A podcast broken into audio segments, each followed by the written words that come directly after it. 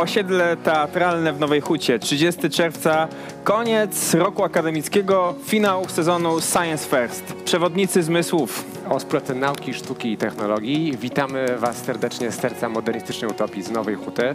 E, To jest spektakularny finał drugiego sezonu Science First, dlatego widzimy się właśnie w teatrze w bardzo spektakularnych teatralnych okolicznościach. Porozmawiamy dzisiaj o dość nietypowych formach współpracy, zarówno między sztuką, technologią, jak i nauką, E, ale wcześniej możemy, wcześniej kilka słów jeszcze o samym teatrze, z którego, w którym się spotykamy. Teatr od 1955 roku wpisał się w pejzaż Nowej Huty i animuje tąże przestrzeń. E, Teraz jest jednym z kluczowych teatrów e, regionu, nie tylko Krakowa, ale także całej Polski. Cieszymy się, że są z nami dzisiaj twórcy, którzy tutaj na deskach e, Teatru Ludowego wystawiają swoje, spek- swoje spektakle, ale mówiąc o Nowej Hucie mówimy o raju, szczególnie raju dla Samuela. Tak, jest to raj, jest to rzeczywiście spełniona modernistyczna utopia, miasto idealne, e, które łączy kilka niezwykłych pomysłów zaprojektowane w latach 40. Jedna z największych, a największa inwestycja Polski, Polski Ludowej. Ja jestem nieautoryzowanym przewodnikiem, więc jakby można się zgłaszać na... Szuka też mieszkania w tak, Hucie, też więc... mieszkania, ale musi być duże, więc jest to dość spory problem. E, natomiast e, zapraszamy Państwa na, na, na takie wycieczki już e, po, e, po, po naszym spotkaniu. E, tymczasem przedstawimy naszych gości.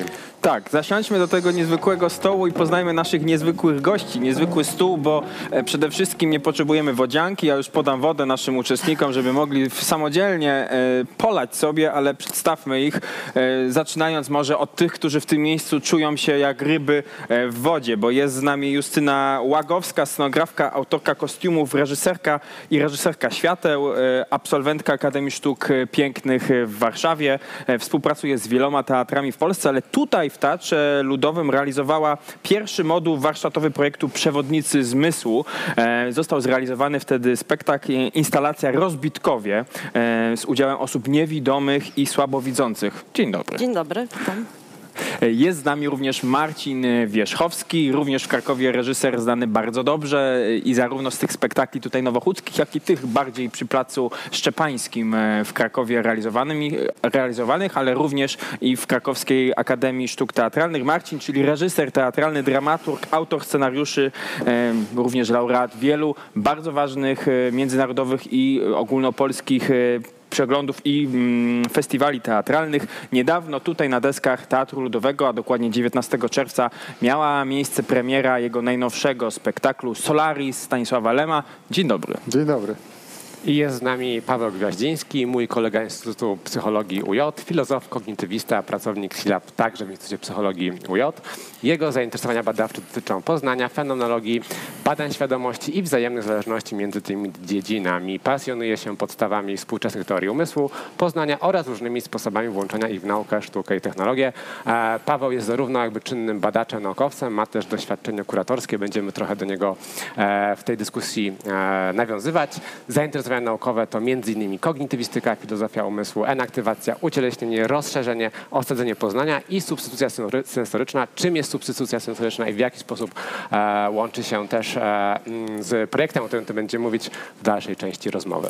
Przedstawiliśmy się co najmniej jakbyśmy byli w jeden z dziesięciu. Nie wiem, kto wygra dzisiejszy wieczór i ten teleturniej, ale wiem, że zachęcamy wszystkich do interakcji. E, Ja będę tutaj spoglądać na telefon, to nie będzie niegrzeczne, nie mamy wielkich ekranów podglądowych ani słuchawka z reżyserką, więc zachęcamy do zadawania pytań w komentarzu, zarówno na YouTubie, jak i na Facebooku jest taka możliwość. Jesteśmy na żywo, to nie jest wszystko nagrywane i udawane, więc czekamy na wasze pytania, na wasze przemyślenia i na to, że chcecie w aktywny sposób uczestniczyć w, w tej dyskusji. E, nasze spotkanie po- potrwa mniej więcej godzinę, półtorej, a jeżeli nas nie słychać, to dajcie znać w komentarzach. A jeżeli słychać, to również dajcie znać w komentarzach, że z nami jesteście, ale zacznijmy od tego niezwykłego em, mebla, em, bo, bo to nie jest przypadek, że przy nim siedzimy, bo jest to pokłosie warsztatów, o których już wspominałem. E, Justyna, pracowałaś nad nim przez wiele miesięcy, nie koniecznie nad tym jednym e, meblem, ale nad całymi rozbitkami. E, To był spektakl, to była inscenizacja nawiązująca do burzy Szekspira, ale to było pokłosie długich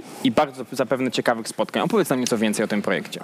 To były warsztaty dla osób niewidzących i niedowidzących, które się odbywały tutaj właśnie w Teatrze Ludowym. I e, one odbywały się w miarę regularnie e, dwa razy w miesiącu przez dwa dni e, weekendowe, sobotę i niedzielę. E, ponieważ osoby widzące, e, niewidzące i niedowidzące często pracują, więc taki, taka forma była najbardziej e, dla nich dobra taka i potrzebna. Te warsztaty trwały prawie dwa lata i nie, tylko ja je prowadziłam. To znaczy było bardzo dużo osób i były to osoby z teatru. Pracownicy teatru, artyści, którzy pracują w teatrze, choreografowie, dramaturgowie, reżyserzy e, i e, aktorzy również. Mm, I te warsztaty miały na celu e, przybliżenie pracy w teatrze, tworzenia spektaklu, jakby od kuchni pokazanie osobom niewidzącym i niedowidzącym, jak spektakl powstaje. Przechodziliśmy różne etapy i spotkania z różnymi artystami były po to, żeby też poznać jakby te cząstki składowe spektaklu. Em, Efektem, jakby pierwszym domknięciem było takie powstanie e, przestrzeni, e, która miała pomóc osobom właśnie niewidzącym i niedowidzącym w spotykaniu się i pracy nad na przykład spektaklem lub jakimś e, warsztatem teatralnym. I em, poproszono mnie, żebym jakby dopięła te wszystkie warsztaty taką pracą, taką przestrzenią, za, zaprojektowała tą przestrzeń. I em, ja się e, oprócz tego, że prowadziłam te warsztaty, też przyglądałam się niektórym, nie- w niektórych uczestniczyłam, gdzie inni koledzy też brali udział.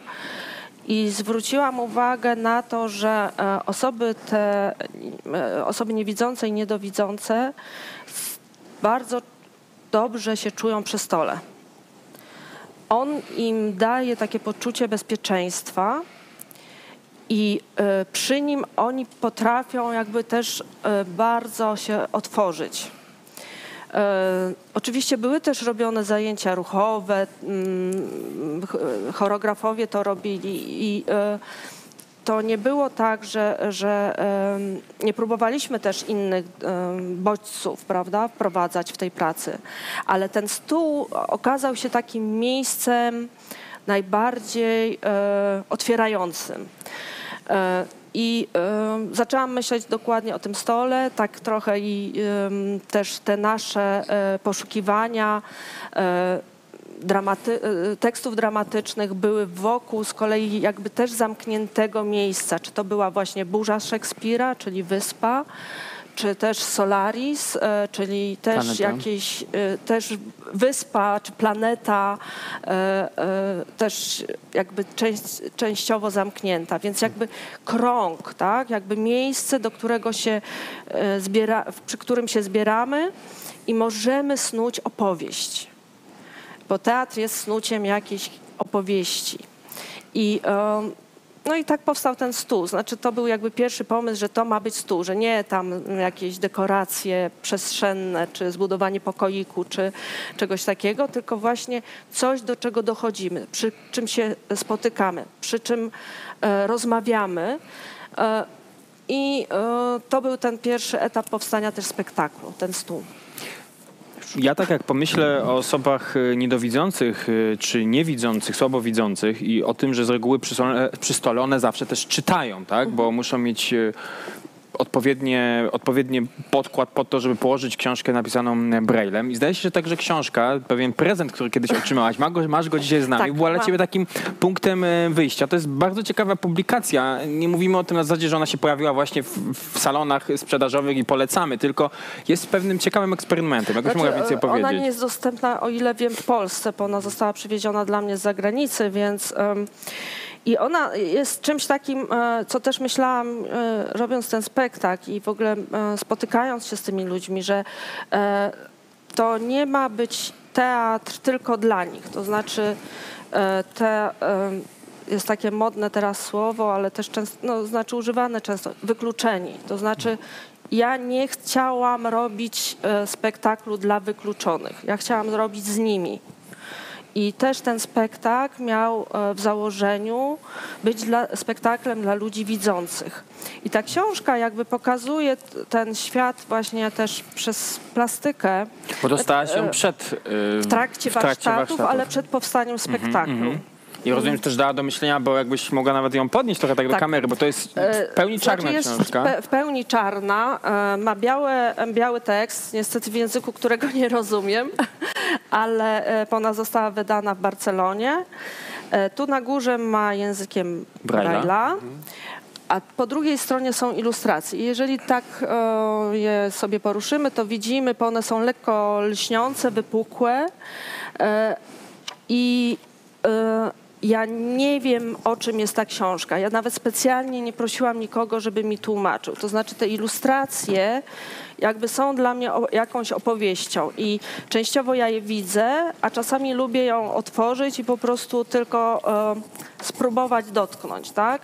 Więc jest to gdzieś połączenie tych bodźców dla mnie, ale też dla osób niewidzących czy niedowidzących i jakoś ta, ten spektakl też chciałam, żeby ten sposób działał.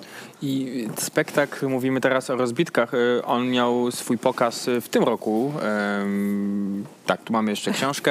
Jeszcze E, mogę pokazać. I też był połączeniem, bo mieliśmy tam osoby widzące, nie, niedowidzące. e, I wiem, że tak też powoli, może domykając klamrą rozbitków e, i Williama Shakespeare'a, Znaczy, widzące to byli aktorzy, Aktorzy Teatru Ludowego? Teatru Ludowego, tak. Punktem też odniesienia był stół. Oni się przedstawiali i mówili takie coś, co mnie bardzo za, zainteresowało. Swój stopień e, niedowidzenia, jak i to od kiedy e, zmagają Od kiedy się. są tak, tak, tak. lub nie- niedowidzący. Tak. To było ich wspólne przedstawienie się i wejście w ten spektakl, ale to także była taka, e, taka brama, że jakby, ja to tak rozumiem ciebie dopytuję, Mhm. że zostawiamy to za sobą i wchodzimy w wspólny świat, gdzie każdy tak naprawdę jest taki sam, tak? I to było wyzwanie chyba też dla, dla, dla twórców, dla aktorów, którzy tak naprawdę mieli partnera innego jak zwykle, tak? Bo mieli partnera...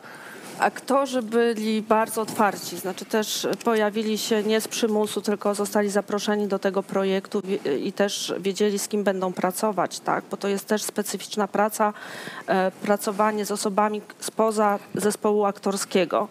E, I oni byli bardzo otwarci na, na taką współpracę, więc e, to, to, ta praca była super rzeczywiście. O tym przedstawianiu, jak myślałam, to mm, jest coś takiego, że to jest tak, przechodzą przez bramę, wchodzą, zostawiają coś ze sobą, ale też mówią, em, jestem tu, w tym miejscu, jestem taki, jaki jestem i teraz opowiem, e, bo to, ten spektakl też jest ich historią.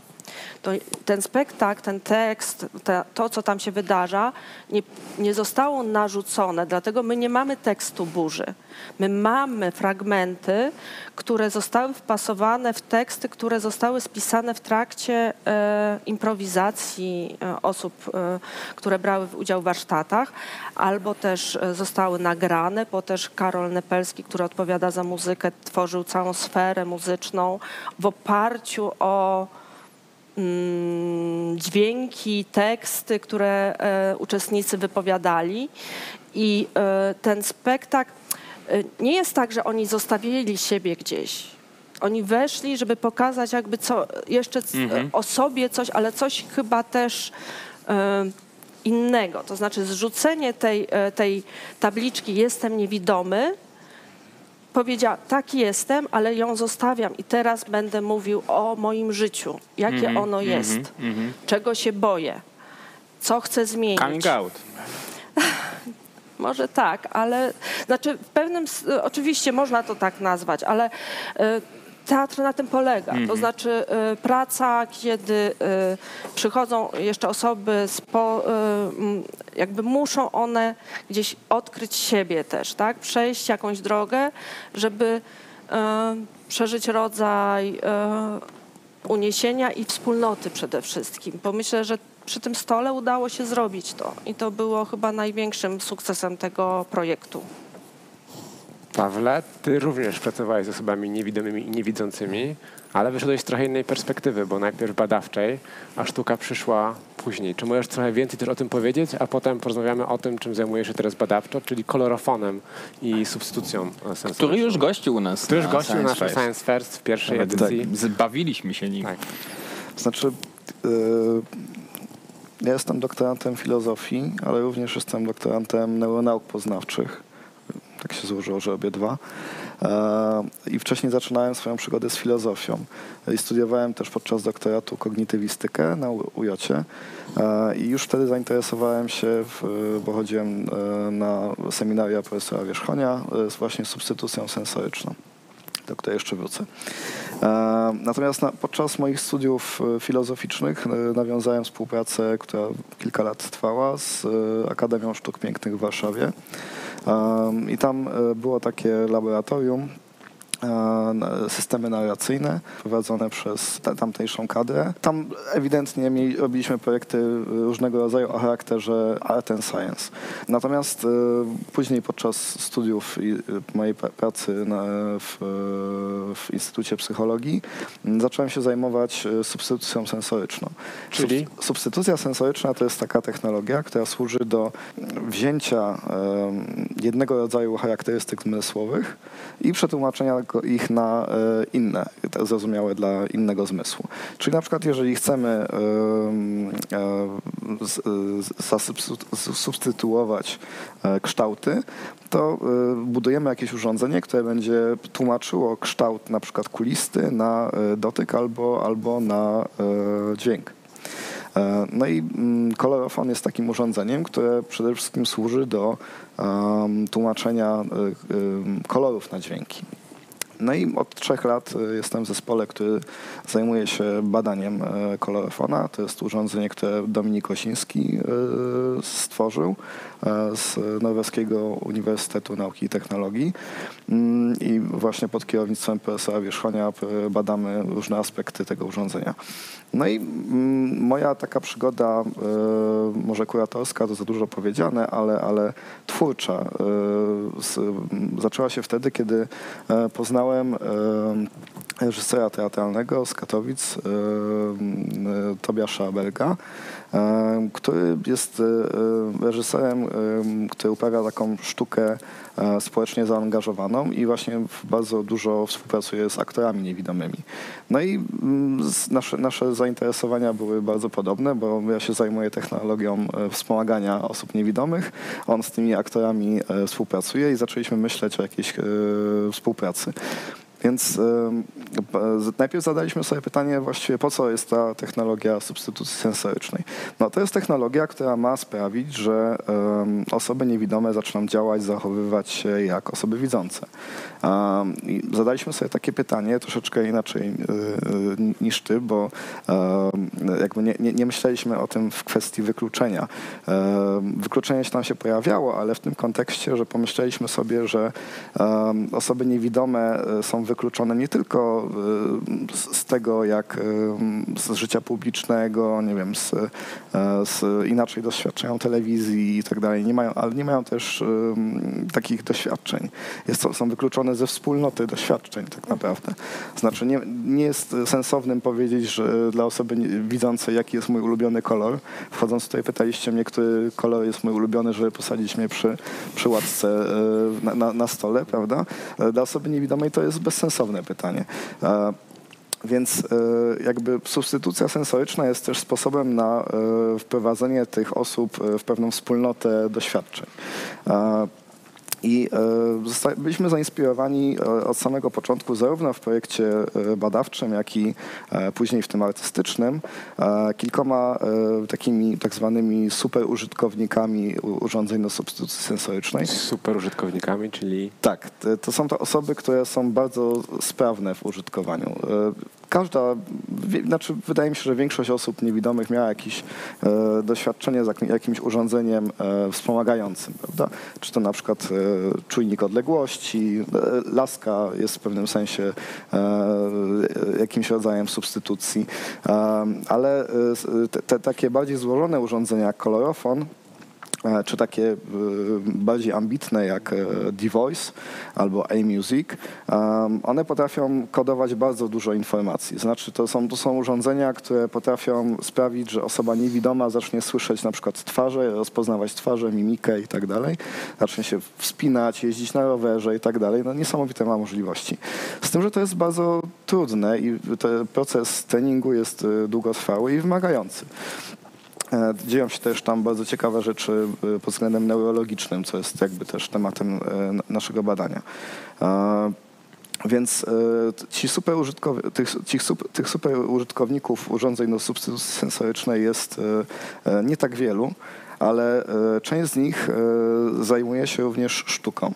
I taką e, na- najbardziej popularną postacią jest e, Neil Harbison, który nie jest nie osobą niewidomą. e, To jest osoba, która cierpi na achro- achromatopsję, czyli zupełnie nie widzi żadnych kolorów. Jego świat jest złożony tylko i wyłącznie z odcieni szarości. Więc, a jest artystą muzykiem. Więc wszczepił sobie taką antenkę tutaj u podstawy czaszki, która idzie tutaj między oczy. Na końcu tej antenki jest kamerka, która tłumaczy właśnie, podobnie jak kolorofon, e, kolory na, na dźwięki. I on słyszy za pomocą e, przewodnictwa e, kostnego te dźwięki w swojej głowie po prostu. Czyli w momencie, kiedy patrzy na jakiś obiekt, ta informacja o kolorze już jest od razu do niego dostarczona poprzez ten dźwięk, który słyszy. No i wiele, wiele lat używał tego urządzenia. Już dzisiaj to jest kilkanaście lat. I mm, zaczął mieć bardzo ciekawe doświadczenia, które, które no, bardzo ciężko do czegokolwiek przyrównać, e, bo e, nagle właśnie ten, ten, ten problem e, ulubionego koloru znikł, bo on miał już teraz ulubiony kolor, tylko że był reprezentowany za pomocą dźwięku. W pewnym momencie zaczął śnić w kolorach, co było bardzo ciekawe. Nawet jak tą antenkę gdzieś tam odczepi, chyba nie jest w stanie jej odczepić, ale, ale w nocy powiedzmy jest wyłączona, to, to w nocy nie słyszy tych dźwięków, ale jego mózg generuje te dźwięki, kiedy patrzy na coś, co jest e, kolorowe, prawda? E, E, Jako artysta zaczął tworzyć bardzo interesującą sztukę. E, Zaczął malować na przykład obrazy, które przedstawiają mowy przywódców. Jednym z takich słynniejszych jest, są dwa obrazy. Jeden je- przedstawia mowę Martina Luthera Kinga, a drugi mowę Hitlera. E, I to są po prostu prostokąty w różnych kolorach, idące tak w głąb, e, które reprezentują różne tony, które on słyszy. W, e, aha, bo nie powiedziałem jeszcze tego. Je- Jeszcze jego mózg, mm, on, on tak poznawczo wytworzył taki, taki, mm, takie sprzężenie zwrotne, to znaczy kolor, dźwięki, które nie, nie, nie, nie były wcześniej kolorowe, nagle stały się dla niego kolorowe.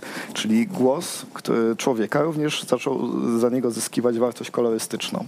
E, Więc był w stanie namalować obraz, który przedstawia e, czyjąś przemowę, prawda? Mm, Innym ciekawym aspektem jest to, że takie percepty, e, znaczy widoki, które e, są dla nas bardzo codzienne, no powiedzmy, e, no, zyskały nową jakość, czyli twarz oprócz tego, że jakoś wygląda, ma jeszcze kolor, to jeszcze jakoś brzmi. Może brzmieć lepiej albo gorzej, czyli może, może, mieć, może być tak, że jest jakaś twarz, która jest ładna, przyjemnie się na nią patrzy, ale brzmi nieprzyjemnie, prawda? E, Są zupełnie inne aspekty y, rzeczywistości, które, które się przed nim otworzyły. No, Harbison nie, nie jest może tutaj konkretnie takim przykładem e, najlepszym, bo jak, jak mówię, osobą widzącą, tylko inaczej, E, ale e, mamy taką najsłynniejszą em, super użytkowniczkę, która, e, w literaturze jest po prostu nazywana PF. Najczęściej nie podaje się po prostu imion w, w badaniach e, osób, osób w takich, w takich e, studiach przypadku. I ona też używała podobnego urządzenia, e, które przetwarzało informacje wzrokowe na dźwięki i również wytworzyła takie, takie, my to nazywamy synestezją, e, czyli mm, kiedy, kiedy jeden, jeden, jedno, jedno, jeden widok, jedno, jedno zjawisko e, wywołuje, mm, wywołuje doświadczenia z innego zmysłu. Mm, Moim pomysłem było to, żeby w jakiś sposób wziąć na warsztat jamę kawki i, i wykorzystać e, którąś e, z, e, z, z, z, z tych urządzeń do substytucji sensorycznej, żeby właśnie zburzyć tą, to wykluczenie ze, wspólnoty, wspólnoty doświadczeń, żeby postawić funkcję urządzeń do substytucji sensorycznej na, na, na głowie, żeby zamiast tego, że, żeby te osoby, które niewidome zachowywały się jako osoby widzące, to chcieliśmy sprawić, żeby osoby widzące mogły się zachowywać jako osoby niewidome.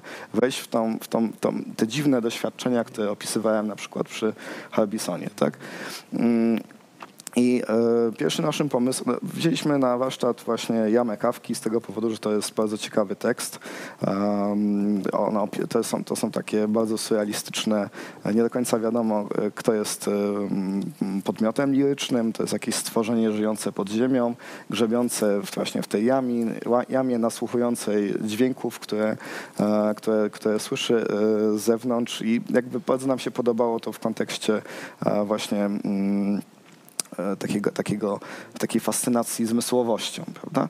E, I e, w pewien sposób Agata i, i Tobiasz zdekonstruowali ten, ten, ten tekst i stworzyli taką instalację, którą też nazywaliśmy um, interwencją artystyczną, która nazywa się Tropizmy. Tam jeszcze powstał przy tym pewien kolektyw z i wspólnie zaczęliśmy nad tym pracować. E, I tropizmy były, były takim, taką instalacją, spacerem. E, od, e, odbyło się to w, w, Katowicach w Biurze Wystaw Artystycznych i współpracowaliśmy tam z aktorami niewidomymi. Z tym, że jedna z tych osób niewidomych miała też ciekawą przypadłość, bo ona nie była nie, nie, zupełnie niewidząca. Ona miała, funkcjonalnie była niewidząca, natomiast jedno jej oko trochę przepuszczało światła, więc ona na przykład znała kolory. I te doświadczenia kolorów były dla niej tak intensywnym doświadczeniem, bo właściwie ze sfery wizualnej od urodzenia nigdy nie miała niczego więcej, tylko i wyłącznie takie łatki kolorystyczne, że wytworzyła synestezję właśnie. Czyli e, te, te, te, te, e, doświadczenia kolorystyczne wywoływały u niej jeszcze inne różne doświadczenia. E, no i również nazwy, dźwięki, litery zaczynały mieć dla niej pewne takie doświadczenia kolorystyczne, więc w pewnym momencie na przykład przykład opowiada o tym, jak to, jak to, jak to, jak to się dzieje. No ale koncepcja była taka, że e, podobnie właśnie jak sądzę, jaka jest funkcja tych, tych e, łatek na no stole. No właśnie też jest pytanie trochę do autorki stołu, że ci przerwę. Tak. Państwo nie widzą, ale... Czy widzą, ale nie widzą szczegółów, nie widzą detali. Znaczy, y, przepraszamy, bo mogą nas również słuchać niektórzy, więc... Nie mogą Państwo dotknąć. A jednym z kluczowych, jak domyślam się, e, moment, jakby sposobów użytkowania tego stołu jest dotyk. E, on ma takie ruchome panele, które Paweł, są... Pawle dam wodę, bo tak które są, e, które są jednocześnie schowkami i każdy z nich wykończony jest e, Ma innym naklejone na, na, na wierzchu tkań, e, tkaninę i ka, jest tu osiem stanowisk i każde stanowisko ma inną tkaninę. E, I to było też e, mm, w trakcie warsztatów po prostu przynio, przyniosłyśmy taką dużą ilość tkanin i w, uczestnicy opisywali swoje wrażenia to znaczy, jak dotykali tkaniny, z czym im się to kojarzy, która jest ich najbliższa, ta, która im się najbardziej podoba, e, bo to nie do końca musi tak być, że ta, co mhm. się podoba, jest mną, tak, że... że Widzieliśmy to... nieco więcej, bo widziałem, że kamera przyjechała, to tylko tak daje znać. Tak i e, rzeczywiście zostały te najbardziej ulubione e, wklejone w ten stół już po warsztatach, mhm. tak, że każdy z uczestników ma swoje miejsce, to znaczy jest ono oznakowane, mhm ten, w ten sposób, że ta tkanina jest jego. Mhm pół godziny Marcin wyczekał, zanim o coś go zapytałem, ale cierpliwie i bardzo widziałem, że uważnie słuchał i y, zanim też może będzie chciał się odnieść do poszczególnych wypowiedzi, ale chciałbym cię Marcin zapytać o to, bo z jednej strony osoby w jakiś, jak, w jakiś sposób wykluczone od wielu lat włączamy w, w, w, w twórczość teatralną. Powstają takie, takie miejsca jak Teatr 21, który uczestniczy, rywalizuje na najważniejszych, na przykład na boskiej komedii i, i stworzy naprawdę genialne projekty teatralne. Z drugiej strony są spektakle, gdzie łączymy osoby z różnymi niepełnosprawnościami, na przykład z aktorami, to są wspólne dzieła, ale także często myślimy o odbiorcach. I zastanawiam się, jak dla ciebie w kontekście twoich spektakli, które też nie są spektaklami typowymi, myślę, że jeden z twoich największych sukcesów, Sekretne życie Friedmanów, tutaj e, w Stolarni Teatru Ludowego, spektakl, który gdzieś nas zabiera w tą podróż. Nie jesteśmy e, widzem biernym. E, mimo, że działamy okulistycznie, to jednak wchodzimy w przestrzeń i możemy dotykać. Czy ty tworząc spektakl, wchodząc w swój proces twórczy, mm, zastanawiasz się nie tylko nad tym, kto to będzie oglądać, jak to będzie oglądać, ale właśnie jakie może mieć bariery oglądania twojego spektaklu? E,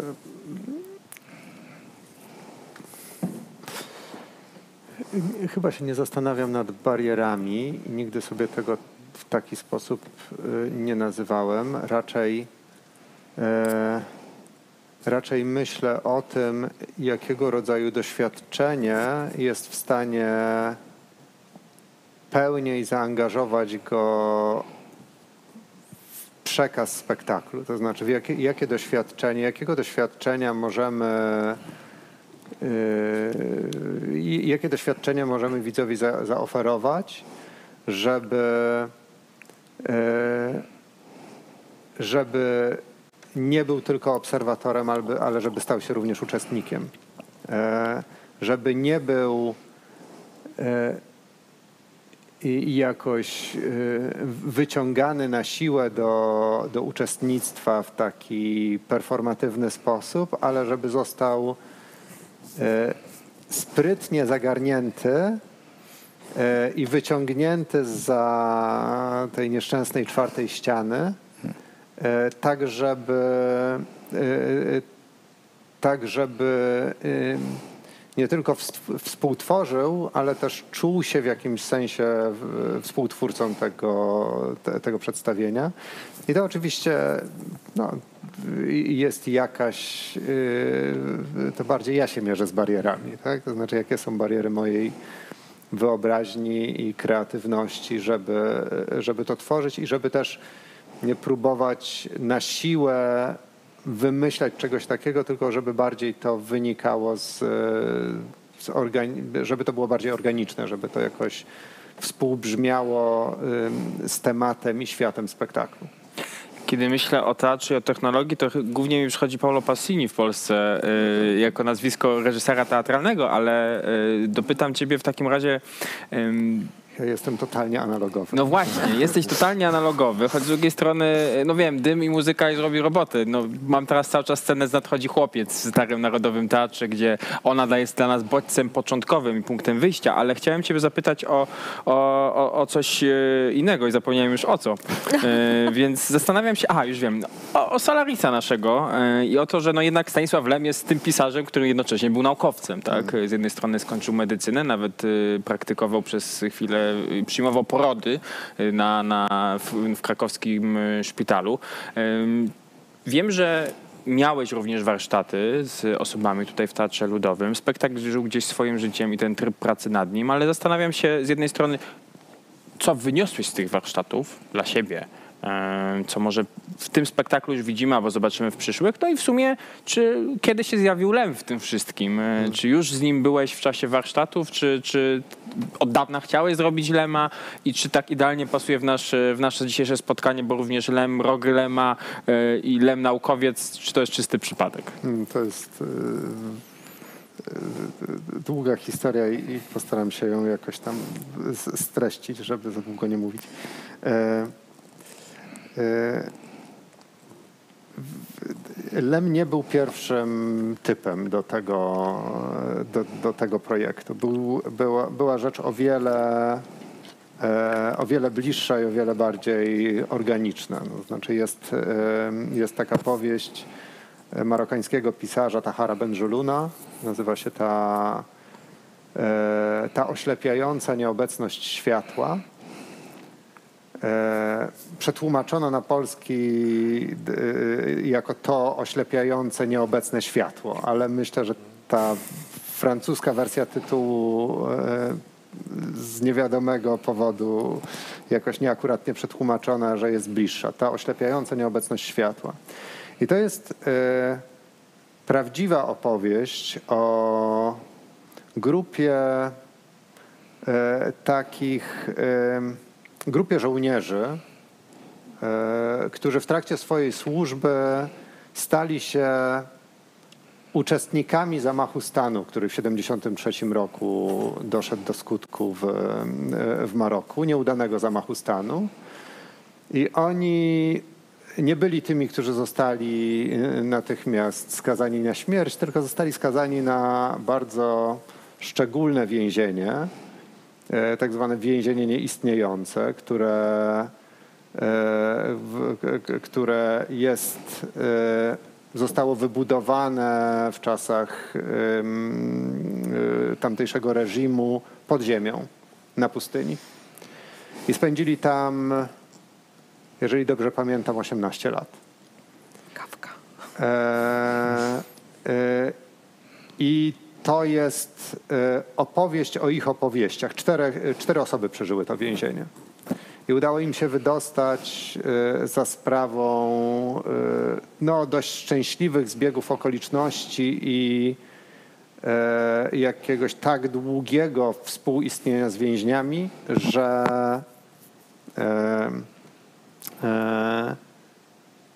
że udało im się zacząć wypuszczać informacje na zewnątrz, a potem była już presja y, e, międzynarodowa, społeczności międzynarodowej, która doprowadziła wreszcie do wypuszczenia tych czterech żyjących. E, ale nie dostaliśmy praw do tego. Natomiast, e, e, na- natomiast ta,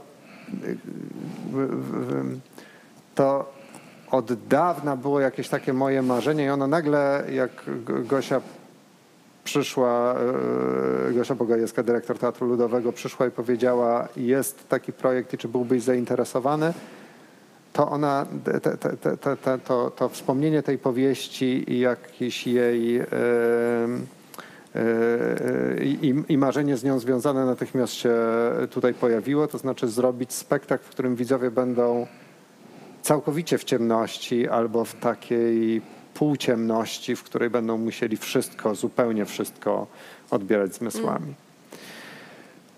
Ale praw nie dostaliśmy ze względu na jakieś delikatne kwestie związane z relacjami autora z tymi, którzy przetrwali i tymi, którzy nie przetrwali i ich rodzinami.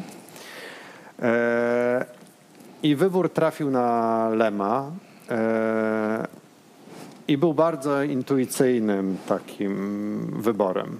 E, e, I kierowałem się, stawiając rzecz e, najuczciwiej, e, dwoma rzeczami. To znaczy, po pierwsze, e, natura projektu tego e, była istotna, ale istotne było też to, żeby, e, żeby robić spektakl, który mnie obchodzi i który mnie dotyczy. I to jest zawsze pierwsze kryterium, które dla mnie jest znaczące, bo wiem, że wtedy, nawet jak się spektakl nie uda, to wiem, że szczerze coś robiłem, a nie byłem w sytuacji jakiejś hałtury. E, e, e, Anegdotycznie zabawne może być to, że Lem był pierwszą adaptacją, którą w ogóle w, w takim profesjonalnym profesjonalnej podróży reżyserskiej, wówczas jeszcze nie w pełni profesjonalnej, bo w szkole, e, którą stworzyłem. E, I to A było, wtedy też Solaris? Czy, to czy było, inny? też, to było też Solaris i to było jakieś, to było po wielkim rozstaniu z pierwszą ważną miłością i to było jakby taki miesiąc w tunelu e, autoterapii. E, Tam to nigdy nie, nie zostało zrealizowane. E, Nie zaryzykowałem konfrontacji teraz z, z efektami sprzed 20 lat e, tamtej adaptacji, ale, ale, ale więź była. Tak? To znaczy była jakaś taka, taka moja więź z tym tekstem i i na nowo poczułem, że zupełnie z innej strony, że chciałbym go, e, że, że, że chciałbym go dotknąć. I kiedy, e, i kiedy spotykałem się z osobami, z uczestnikami warsztatów, e, to mam wrażenie, że, że działałem pod na poły świadomym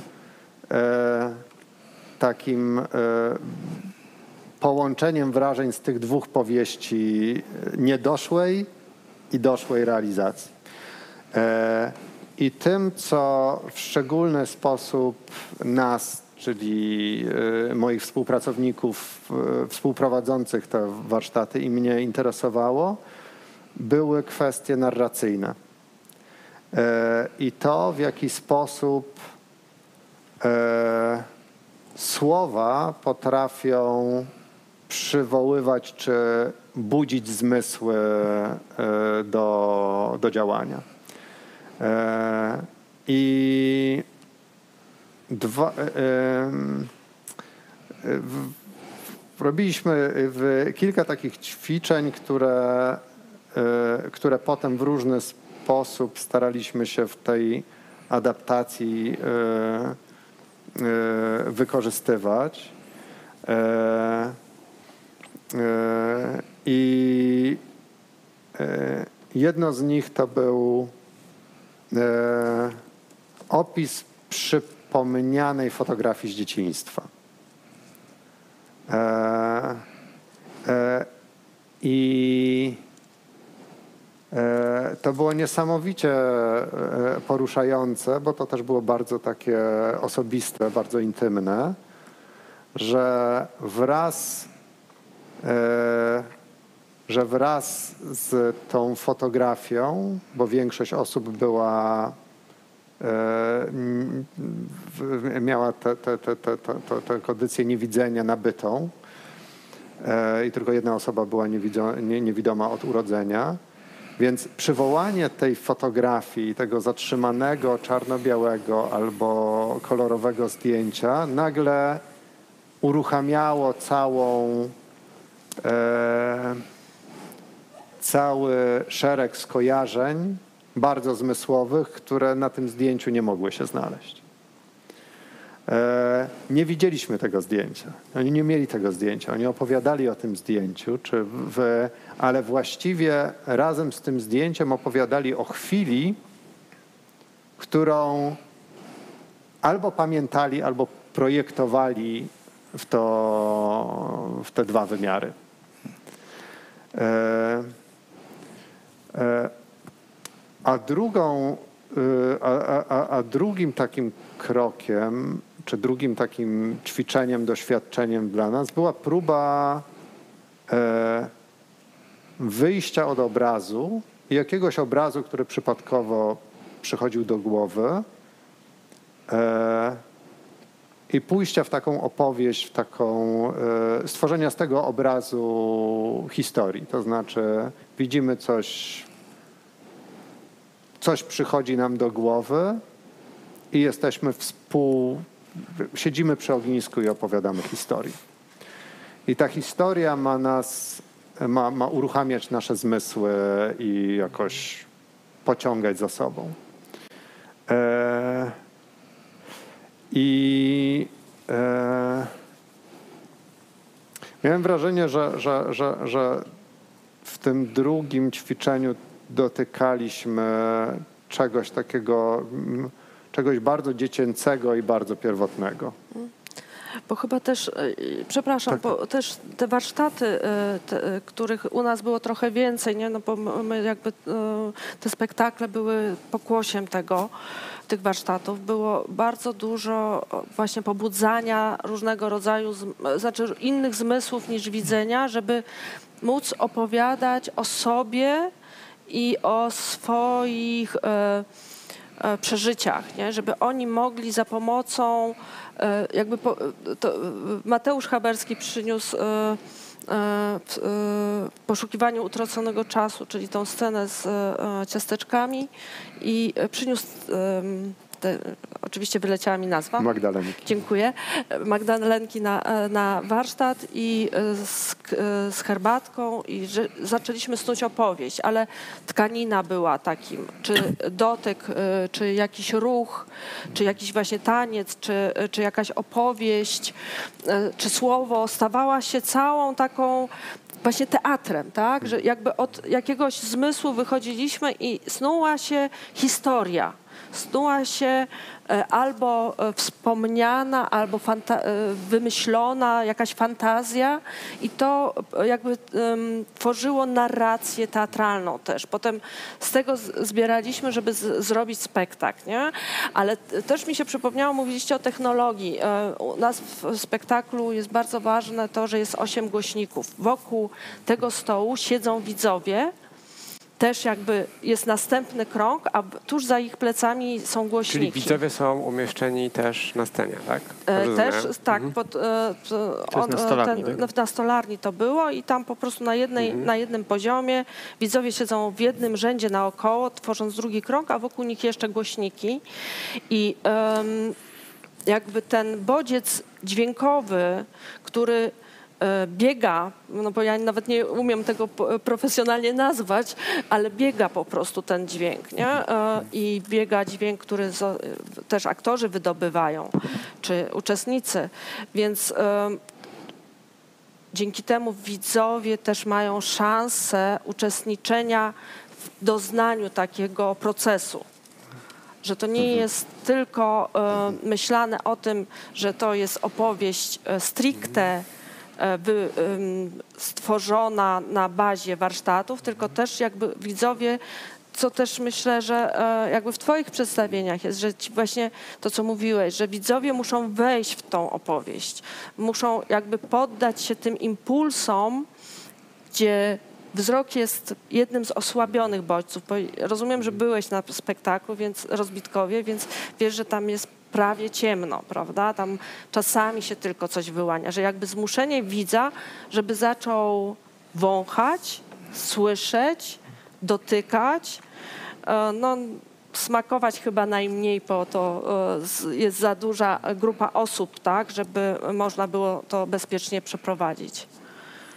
Ale ja mam takie pytanie do waszej trójki, bo jak wysłuchałem waszych wypowiedzi, to zastanawiam się, nie wiem czy nie popłynąłem, więc poprawcie mnie, czy taką kategorią, która by te wszystkie działania łączyły, nie jest jakaś emancypacja, bo tak, z jednej strony emancypujecie widza od takiego typowego siedzenia i patrzenia, siedzi, patrz i chłoń sztukę, więc jakby, bo to jest zupełnie nowy typ doświadczenia. Dwa, e, jesteście też jakby niechętni wobec tych specyficznych, specjalnych kategorii widzów, tak? Teraz robimy spektakl dla wykluczonych, niewidzących, tak? Teraz robimy, więc jakby też emancypujecie od takiego myślenia w kategoriach właśnie A teraz audiodeskrypcja tak, kolejna, nie? audiodeskrypcja, tak, że tam jakaś prosta translacja i wreszcie też emancypujecie formę, no bo wreszcie mamy tej dyskusji o wtórności formy i tym nie, nie podziale na formę i treść, tylko że nagle jakby forma jest jakby równie ważna, tak, i jakby ona jest jakby tak właśnie organicznie powiązana z treścią i to, ten podział w ogóle przestaje mieć w pewnym momencie sens. Y, Tak.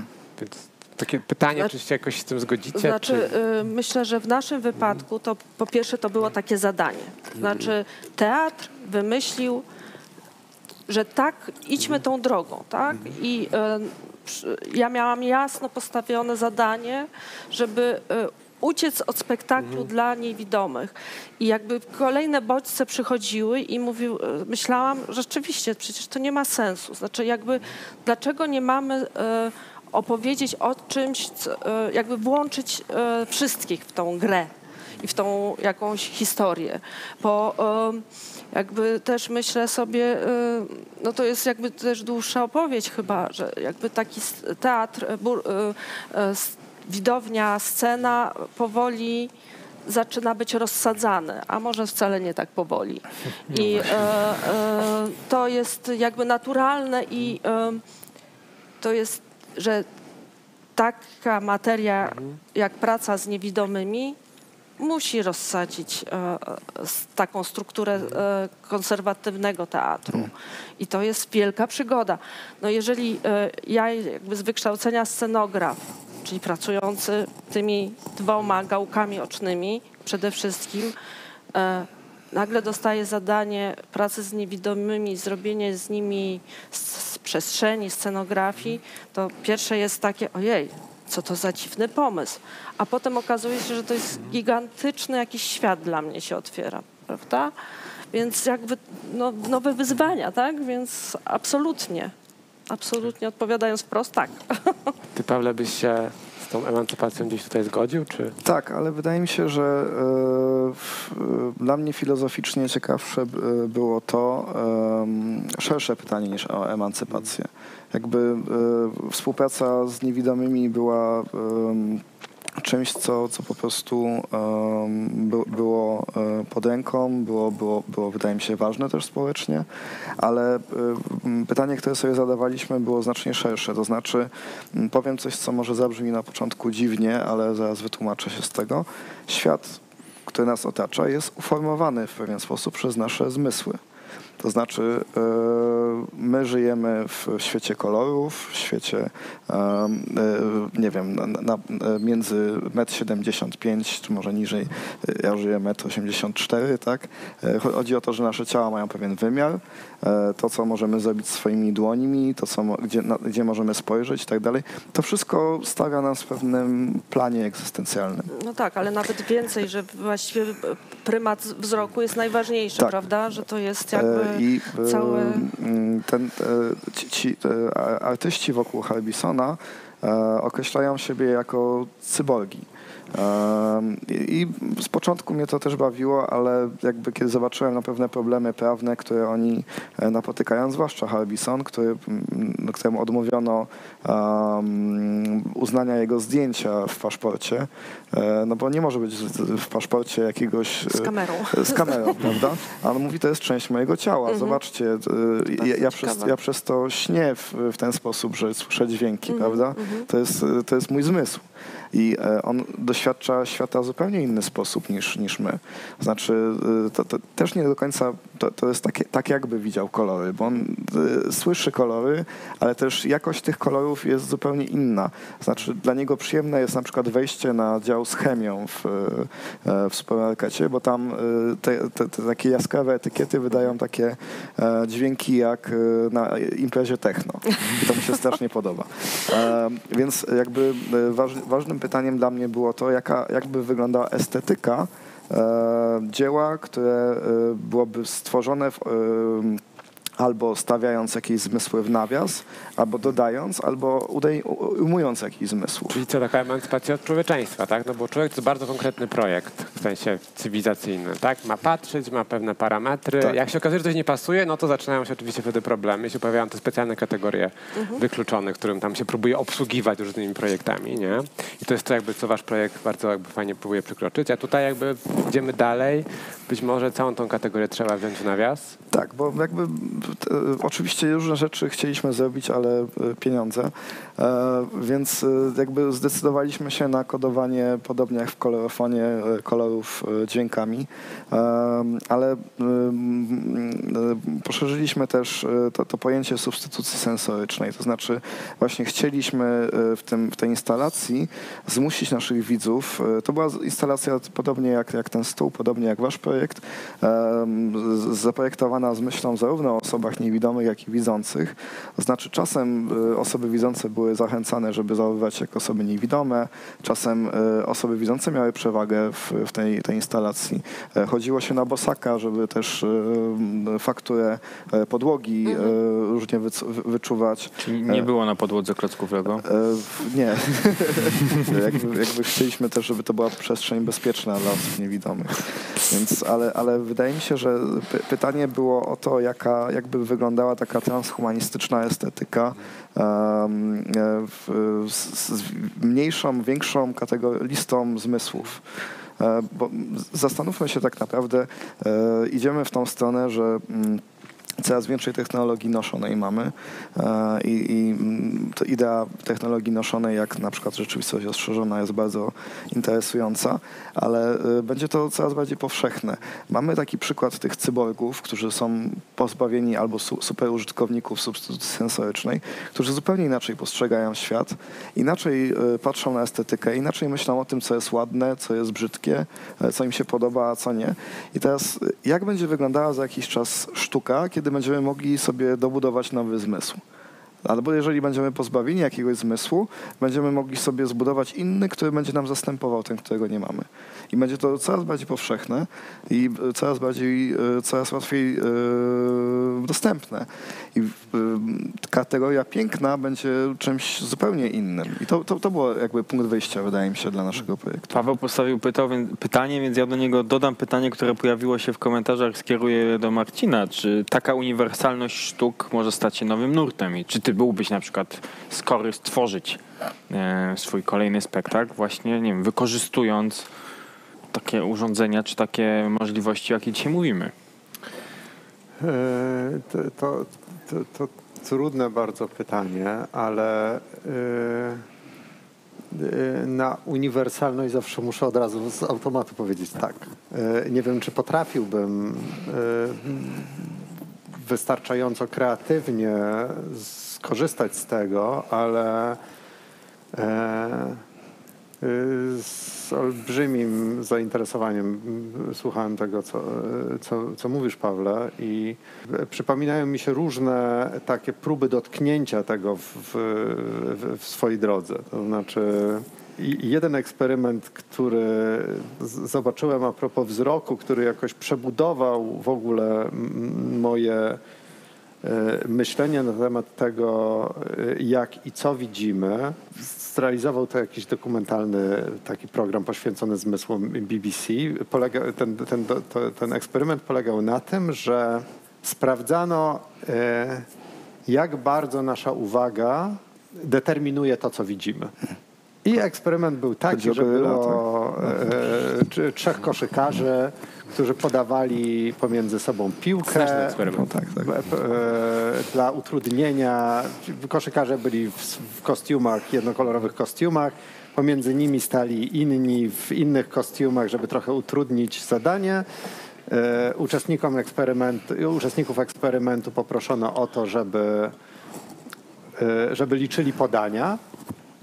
I w pewnym momencie pomiędzy ten trójkąt podających sobie koszykarzy wchodził człowiek przebrany za goryla, stawał w centrum kadru, robił goryla, schodził z kadru. Trwało to dwie, trzy, cztery sekundy. E, Po czym pytano, ile było podań i czy ktoś zobaczył coś e, niestandardowego. I na 25 osób, które ogląda, uczestniczyło w eksperymencie, dwie podnosiły rękę, mówiąc, że widziało coś niestandardowego. Tak, bo jakby ich uwaga była cały czas skupiona na Na piłce. liczeniu. Na liczeniu na piłce. To jest zjawisko, które nazywa się ślepotą uwagową. Tak, jest to. No tak, no. Ja myślę, że jeszcze, znaczy w teatrze trudno jest wprowadzać eksperymenty technologiczne bardzo. Po, e, po pierwsze to kosztuje, a wiemy, że jakby te teatry nie, nie mają jakichś szalonych budżetów. I też e, myślę, że jest e, ogólnie tak e, mm, trudno z takimi eksperymentami. Znaczy jakby to, to, to wprowadzanie nowych technologii w teatrze jest, e, e, dzieje się, ale jest bardzo powolne. Jak pamiętam mm, na jakimś spotkaniu e, w, w Lublinie zarzucono mi, że za dużo projekcji wprowadzam do swoich spektakli, to mm, powiedziałam, że no dobrze, ale jest 2000, tam wtedy to był 10 rok, a od 1960 chyba 8 w Polsce się wprowadza, są projekcje w, w teatrze, więc jak gdyby, no, do, no więc jakby e, to odpowiadając, ale Ogólnie chyba wprowadzanie czegokolwiek ale nowego myślę, w polskim teatrze. Marcin ten- kiedyś coś palił, słyszałem w teatrze Tak. i później mu coś zarzucano. To były pieniądze akurat, ale... ale, ale pieniądze jest płalił. coś takiego, że, że e, takie projekty, ta, znaczy to naprawdę był super e, projekt ci e, Przewodnicy Zmysłów, bo on dotykał różnych sfer, był bardzo długi, był bardzo taki czujny na, na te osoby i bardzo po, e, dużo się dobrych rzeczy wydarzyło, że to nie było takie, a spotkajmy się tam w ciągu miesiąca dwa razy, trzy razy, Czyli cztery. jego efektem nie jest I tylko potem stół sobie zrobi, zróbmy e, e, jakieś przedstawienie, tylko rzeczywiście to była jakaś długa praca, więc um, oby takich My nie znamy tej grupy. więcej. Może jesteście w stanie nam nieco więcej też powiedzieć. Ile było tych osób? Czy to była szeroki wachlarz wiekowy, czy to była jakaś konkretna grupa? To były te same osoby przez cały cykl warsztatowy, przez te kilka, więc chyba projekt o dwa albo trzy Znaczy, lata? w, ostatecznie w spektaklu było pięć osób, e, w tym jedna osoba od urodzenia nie, niewidząca. Mm, Jeżeli e, powinnam powiedzieć nazwiska, to muszę niestety sięgnąć po ściągawkę, po. E, ale e, w samych warsztatach brało dużo więcej osób i to były głównie osoby, które stra, trać, tracą lub już straciły wzrok w jakimś tak okresach czasu. I najmłodsza osoba, Dorota, była niewidząca od urodzenia. Pozostałe osoby były przeważnie w takim wieku um, panie szanowne, wybaczcie, emerytalnym, więc jakby e, starsze. E, No bo też jakby ma, one ma, miały, te, nasze uczestniczki i uczestnicy mieli jakąś taką totalną ochotę uczestniczenia w kulturze. I to rzeczywiście e, ich kalendarz był mega napięty. One gdzieś, cały czas gdzieś po prostu e, bywały. No i był jeden młodszy też no, uczestnik, mężczyzna. Mm,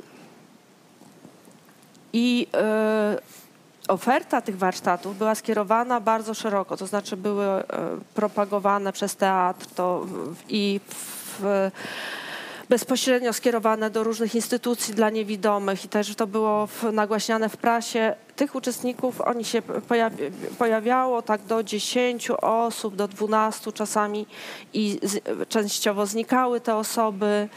E, i ten trzpień, który został do spektaklu, no był taki najbar- najwierniejszy. Um,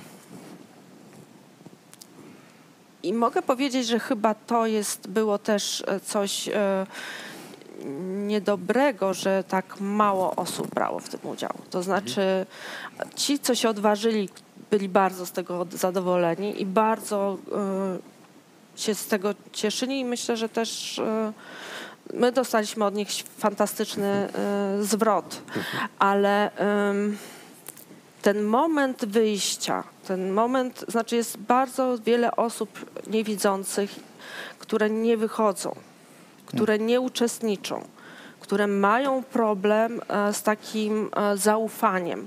I też pracując nad tym spektaklem, nad rozbitkami, dużo o tym rozmawialiśmy, o tym przekraczaniu, o tym wychodzeniu. E, Teatr służył pomocą. Były dowożone osoby, rozwożone, były posiłki w, w, tra- e, w, trakcie tych, były przerwy na posiłki. To wszystko było naprawdę super zaplanowane z taką pieczołowitością i troską o te osoby, a jednak nie, wys, nie wyszliśmy poza tą barierę tych osób, które chcą. Tak? Znaczy, bardzo trudno jest namówić i przekonać, i to jest jakaś też, myślę, olbrzymia praca, e, żeby te osoby były, e, po prostu się nie bały chyba. No ale też pamiętajmy, jaki mieliśmy duży problem w ogóle z osobami niepełnosprawnymi ruchowo w Polsce, tak? W sensie one też do pewnego momentu siedziały w domu, no bo po pierwsze przestrzeń była dla nich jedną wielką przeszkodą, a po drugie też e, no, były w takim duchu wychowywane, tak? Że no, siedź w domu, jest, masz ograniczenia i tak naprawdę osób z niepełnosprawnościami ruchowymi widzimy więcej w przestrzeni publicznej, nie wiem, od 10-15 No właśnie, lat. ja bym też nawiązał do tego, co powiedziałeś, że w teatrze później dochodzi do tych zmian, bo tak jak Samuel wspomniał teraz o osobach niepełnosprawnych, dopiero później powstały dony na przykład na uczelniach, czyli działy osób, y, obsługi osób niepełnosprawnych, a można by liczyć na palcach jednej ręki teatry, które mają na przykład dedykowane stanowisko osoby, która zajmuje się dostępnością. Tutaj em, Ale ja też mówię o czymś więcej, to znaczy po to są, e, znaczy no jesteśmy w Unii Europejskiej, prawda? To jakby już na nas e, e, Unia wymusza takie, takie działania. Ja mówię o czymś więcej, o jakimś takim zaufaniu społecznym, o tym, że to my musimy też się zmienić, żeby ci ludzie nie bali Tak. się wyjść, No tak. że to, że e, stoi osoba niewidoma na przejściu i że ja podchodzę i pytam Szarpie się, przepraszam, e, jestem z lewej strony, chciałabym się spytać, czy pomóc pani przejść przez e, pasy? Czy panu, Mhm. tak? Że jakby, że się nie boimy, że nie podoimy, bo, boimy się podać ręki, że to w nas musi się e, przede wszystkim przełamać, żeby potem oni mogli bezpiecznie i e, pewnie wyjść do nas, żebyśmy razem mogli być we wspólnocie. Pierwszy krok, wyjście do sklepu kolejnymi będzie korzystanie z, z kultury aktywne, ale także współ, współtworzenie kultury, prawda? Bo, bo tak jak gdzieś z pewnymi niepełnosprawnościowymi umysłowymi e, pracuje się z takimi osobami przez długi czas, tak? Czy też terapeutycznie, to myślę, że w tym aspekcie, no właśnie może nawet y, wiecie i poprawicie, terapeut, sztuka chyba w terapiach tych właśnie zaburzeń czy niepełnosprawności chyba jest gdzieś marginalna, wykorzystywanie sztuki. No ja akurat byłem w e, dość specyficznym sp- środowisku, bo, bo e, to, Tobiasz i Agata akurat e, się tym dokładnie zajmują. Twoi współpracownicy. Moi, współpra- moi współpracownicy, czyli, czyli właśnie aktywizacją osób z, zwłaszcza niewidomych w takim też społecznym i, i, i artystycznym, więc, więc jak, na, jak najbardziej widzę, widzę w, w tym pole. No. My w naszym projekcie też stworzyliśmy coś, co może jest interesujące, ale, ale e, niekoniecznie artystycznie jeszcze wyeksplorowane, e, bo za pomocą subs- substytucji sensorycznej tworzymy przestrzenie e, wirtualne, które się pos- postrzega za pomocą dźwięku, a nie wzroku.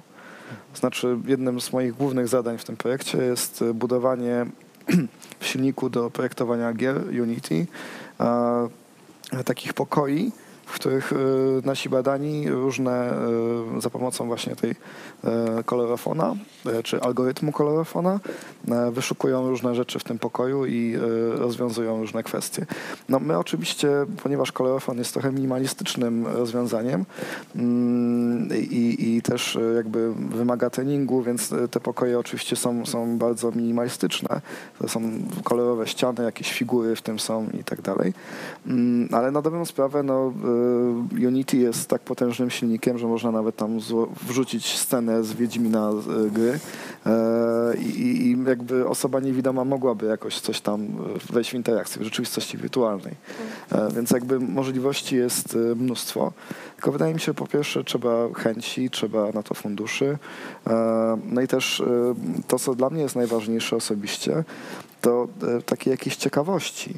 Bo, bo mnie osobiście mm, fascynuje to e, w, w ogóle, jak ci ludzie postrzegają, jak, jak, jak odczuwają, co myślą. E, e, Właśnie wydaje mi się, artys- artystycznie to jest bardzo inspirujące, pewnie dla was również, żeby właśnie się zastanowić, co jest ładne, co jest brzydkie, co jest inspirujące i tak dalej, kiedy jesteśmy pozbawieni tego wzroku, prawda?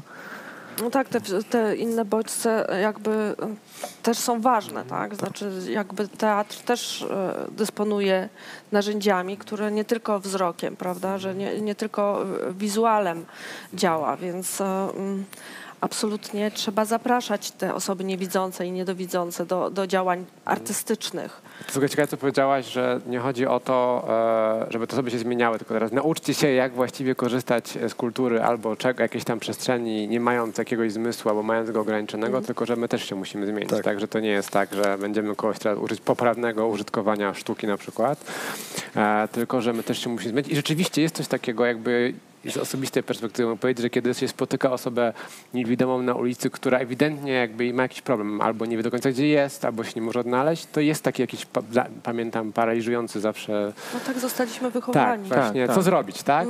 I pamiętam, że jako nastolatek raz po prostu zupełnie udałem, że nie widzę tej osoby, poszedłem dalej.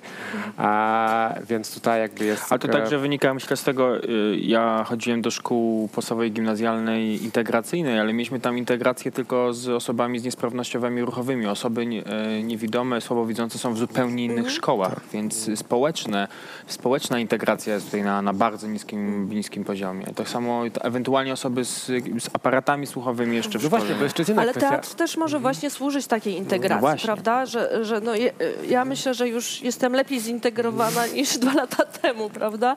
Że to też jakby e, był e, nie tylko warsztat dla nich, tylko też dla mnie, czy na, dla pozostałych uczestników z teatru, że jakby ten e, te, e, pamiętam e, e, chociażby właśnie e, warsztaty choreograficzne, gdzie e, podstawowe, wprowadzaliśmy podstawowe ćwiczenia ze szkoły teatralnej, które są dla aktorów.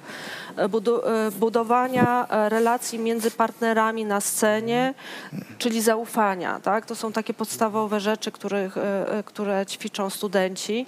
I my po prostu, ja z osobą niewidzącą to ćwiczyłam, żeby właśnie, żebyśmy ze sobą poczuli tą, to bezpieczeństwo.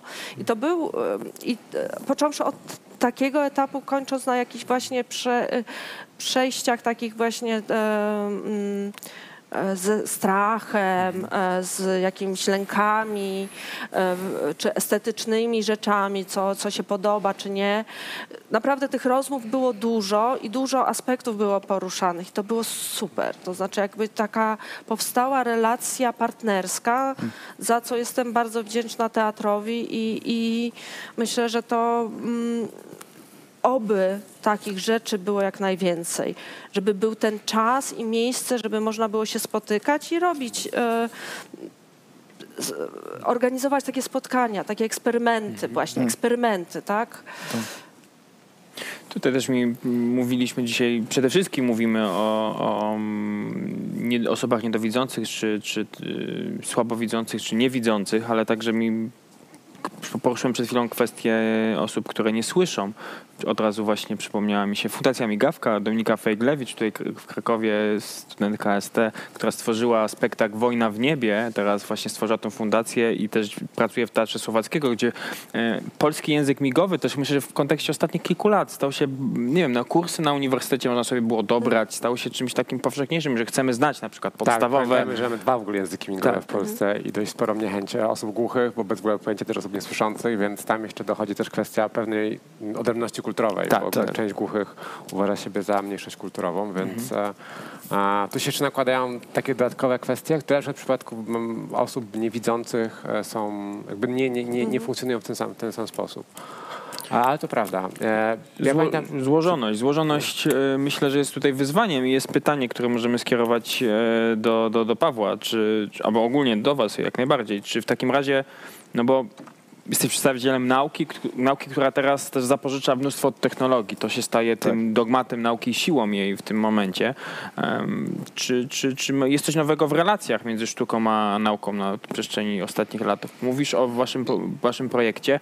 Tu mówimy o projektach bardziej e, takich, nazwijmy to manualnych, bo, bo technologia nie weszła stricte w... No oprócz tych głośników, tak, tak, ale jakby w, przy- dźwiękowych. w przypadku, no, więc, więc Znaczy to jest jakby szersze pojęcie wychodzące trochę poza substytucję sensoryczną w moim wypadku, bo wcześniej pracując e, w tym laboratorium, e, współpracując z tym laboratorium, e, systemy narracyjne prowadzonym przez Jakuba Wróblewskiego i tam Pole Borkiewicz i całą resztę zespołu, Badaliśmy e, różne aspekty e, sztuki, ale właśnie za pomocą takich jakościowych metod badawczych. Bo e, w ramach tego projektu miał powstać taki język podobny do zapisu nutowego, do opisu doświadczeń audiowizualnych. I żeby e, to zrobić, to po prostu musieliśmy zidentyfikować, e, bo, bo jakby zapis nutowy miał setki lat na to, żeby się rozwinąć i e, pewną konwencję zbudować.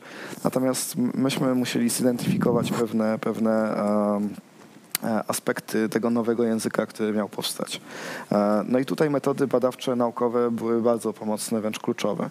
E, I mm, wydaje mi się, że po prostu poznawczo czasem jest bardzo interesujące dla artysty zaangażować się w przedsięw przedsięwzięcie e, naukowe, e, żeby móc później z tego zbudować e, jakieś widowisko, doświadczenie, dzieło sztuki, które e, trochę wychodzi poza taką e, zdroworozsądkową percepcję. No, e, nasze rozmowy z Tobiaszem i Agatą w ramach e, tego projektu Tropizmy e, przede wszystkim właśnie się e, koncentrowały na tych kwestiach tej fenomenologii e, codzienności. Tak? Czy, co to znaczy, że e, siedzimy tutaj i widzimy teraz e, ten, ten, ten świat w taki, a nie inny sposób?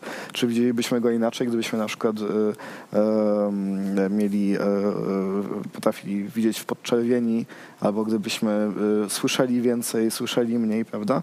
I e, to, to, to jakby te, te, i pokazywałem im też technologię, która do tego służy, pokazywałem im badania, które e, się, się tym zajmują. I jakby te, ta, ta współpraca dla mnie była inspirująca jako dla filozofa, e, a dla nich była inspirująca jako dla artystów. I wydaje mi się, że dlatego e, ten, ten projekt był tak ciekawy, bo, bo oni po prostu weszli do naszego laboratorium, mogli się pobawić kolorofonem, weszli w tą rzeczywistość wirtualną, o której opowiadałem e, i i jakby mm, to, to chociaż, choćby z tego powodu było bardzo interesujące działanie. To ja tak się zastanawiam, a powoli zmierzając do końca, czy można potraktować e, zarówno waszą pracę w m, Przewodnika Zmysłów w tym projekcie i twoją jako trochę takie laboratorium, gdzie się eksperymentuje na nowo z tym, co społeczne, tak? gdzie się buduje te relacje, patrzy się, czy one działają, nie w laboratorium, albo działa, jak, jak, jak, jak działa, to ujdzie, jak nie działa, to próbujemy nowe, które potem być może się wdroży, w sensie one się zreplikują i ludzie rzeczywiście będą e, się w trochę inny sposób. Jednocześnie też technologię się traktuje jako nieodłączną część e, tych relacji, tak, że jakby technologia i społeczeństwo to nie są dwie złe rzeczy. Technologia to nie jest coś, czym się straszy w telewizji, w się straszy, tak, że patrzcie jaka zła technologia, dokąd świat zmierza, tylko się on traktuje jako element pewnego złożenia, ją się składa z człowiekiem i wychodzi nam jakaś relacja. I tutaj te relacje są w efekcie inne, bardziej funkcjonalne, niż były, były przed. Czy, czy można myśleć jako o takim laboratorium i eksperymentach? To, to, to trochę. Ja miałem poczucie, że, że uczestnictwo w tym projekcie, tak jak Justyna wcześniej powiedziała, że, że ono. że zawsze jest trudno powiedzieć, co się daje. To znaczy, mniej więcej wiem, co mam do, do zaoferowania, ale w takim doświadczeniu e, dawania muszą być dwie strony. Nie do końca wiem, jakie są potrzeby drugiej strony, wchodząc zupełnie z zewnątrz i jest takie rozpoznawanie, czego potrzebujemy, ale e, kluczowe dla mnie było, czy ratuje się w takiej sytuacji tym, e, że pewnie, mam, pewnie oni mają dużo więcej dodania mi niż ja mogę dać im. E, I że e, w tym sensie e, ja mogę sobie wyobrażać doświadczenie, mogłem sobie wyobrażać doświadczenie osoby niewidzącej czy niedowidzącej e, wcześniej, ale e, spotkanie przy tym stole, bo myśmy również przy tym stole się e, spotykali, sprawiało, że, że wykształcała się zupełnie, e, zupełnie inna wrażliwość. Trochę, e, trochę myślę zgodnie z duchem szkół integracyjnych. Tak? To znaczy, że tak, ta, ta, taką podstawową filozofią szkoły integracyjnej jest to, że kiedy to nie będzie teoretyczne, tylko praktyczne, to my w, w codzienności inaczej będziemy się odnosili potem, czy będziemy bardziej wrażliwi nie tylko w tym, jak jako ludzie się kontaktujemy, czy że w ogóle zauważamy tych, którzy jakoś fizycznie są e, bardziej ograniczeni od nas, ale że też w tym, co robimy, oni w, w naturalny sposób są włączeni e, w nasz proces e, twórczy. Tak? Czy jesteśmy inżynierami, którzy myślą, czy, czy, czy budowniczymi, czy artystami. Hmm. I że to jest chyba taki dla mnie, że to jest bardzo trwały dar, który, e, który w obrębie tego zdarzenia, tego spotkania otrzymałem. Ziarno zostało zasiane. Ziarno zostało zasiane. Pozostaje pogratulować Teatrowi Ludowemu że udało się ten wniosek e, kiedyś napisać, stworzyć, zrealizować. E, gratulujemy i dziękujemy za gościnę dzisiaj. Bardzo dziękujemy. E, to było 16 spotkanie z cyklu Science First. Nie przerwała nam pandemia niczego. Zachęcamy, żeby odwiedzić stronę lux.psychologia.edu.pl. Tam są nasze podcasty. Będzie także podcast dzisiejszego spotkania i to wideo zostaje w sieci. Zachęcamy, żeby przekazać je dalej, jeżeli te treści, które um, oglądaliście były dla Was interesujące, a może że były wśród nas osoby, które, których bezpośrednio dotyczy ta tematyka, albo znacie takie osoby, to przekażcie im to. Miejmy nadzieję, że będziemy ich jak najbardziej aktywnie włączać jako aktorów czynnych e, i życia społecznego, i, i, i sztuki. I chciałbym podziękować naszym dzisiejszym e, gościom. E, Marcin Wierzchowski, Justyna Łagowska i również Paweł Gwiaździński, Samuel Nowak. Tomasz Pytko. Ja na końcu mam jeszcze, chciałbym bardzo podziękować Oli Nujot, z którym ten cykl przygotowaliśmy. To już drugi sezon, za nami 16 odcinków. Mam nadzieję, że wystartujemy z trzecim. E, I bardzo dziękuję Katarzynie Dudek, która była takim dobrym duchem tego spotkania. A Naprawdę cieszę się, że mogliśmy tę transmisję zrealizować e, właśnie z Teatru Ludowego i mam nadzieję, że takich super produkcji w kolejnym sezonie będziemy mieli więcej. Przetrwajmy to lato i spotkajmy się na kolejnym Science First i w teatrze. Wróćmy jak najszybciej do normalności. Dziękujemy bardzo. Dzięki. Dziękujemy Bardzo bardzo. dziękujemy.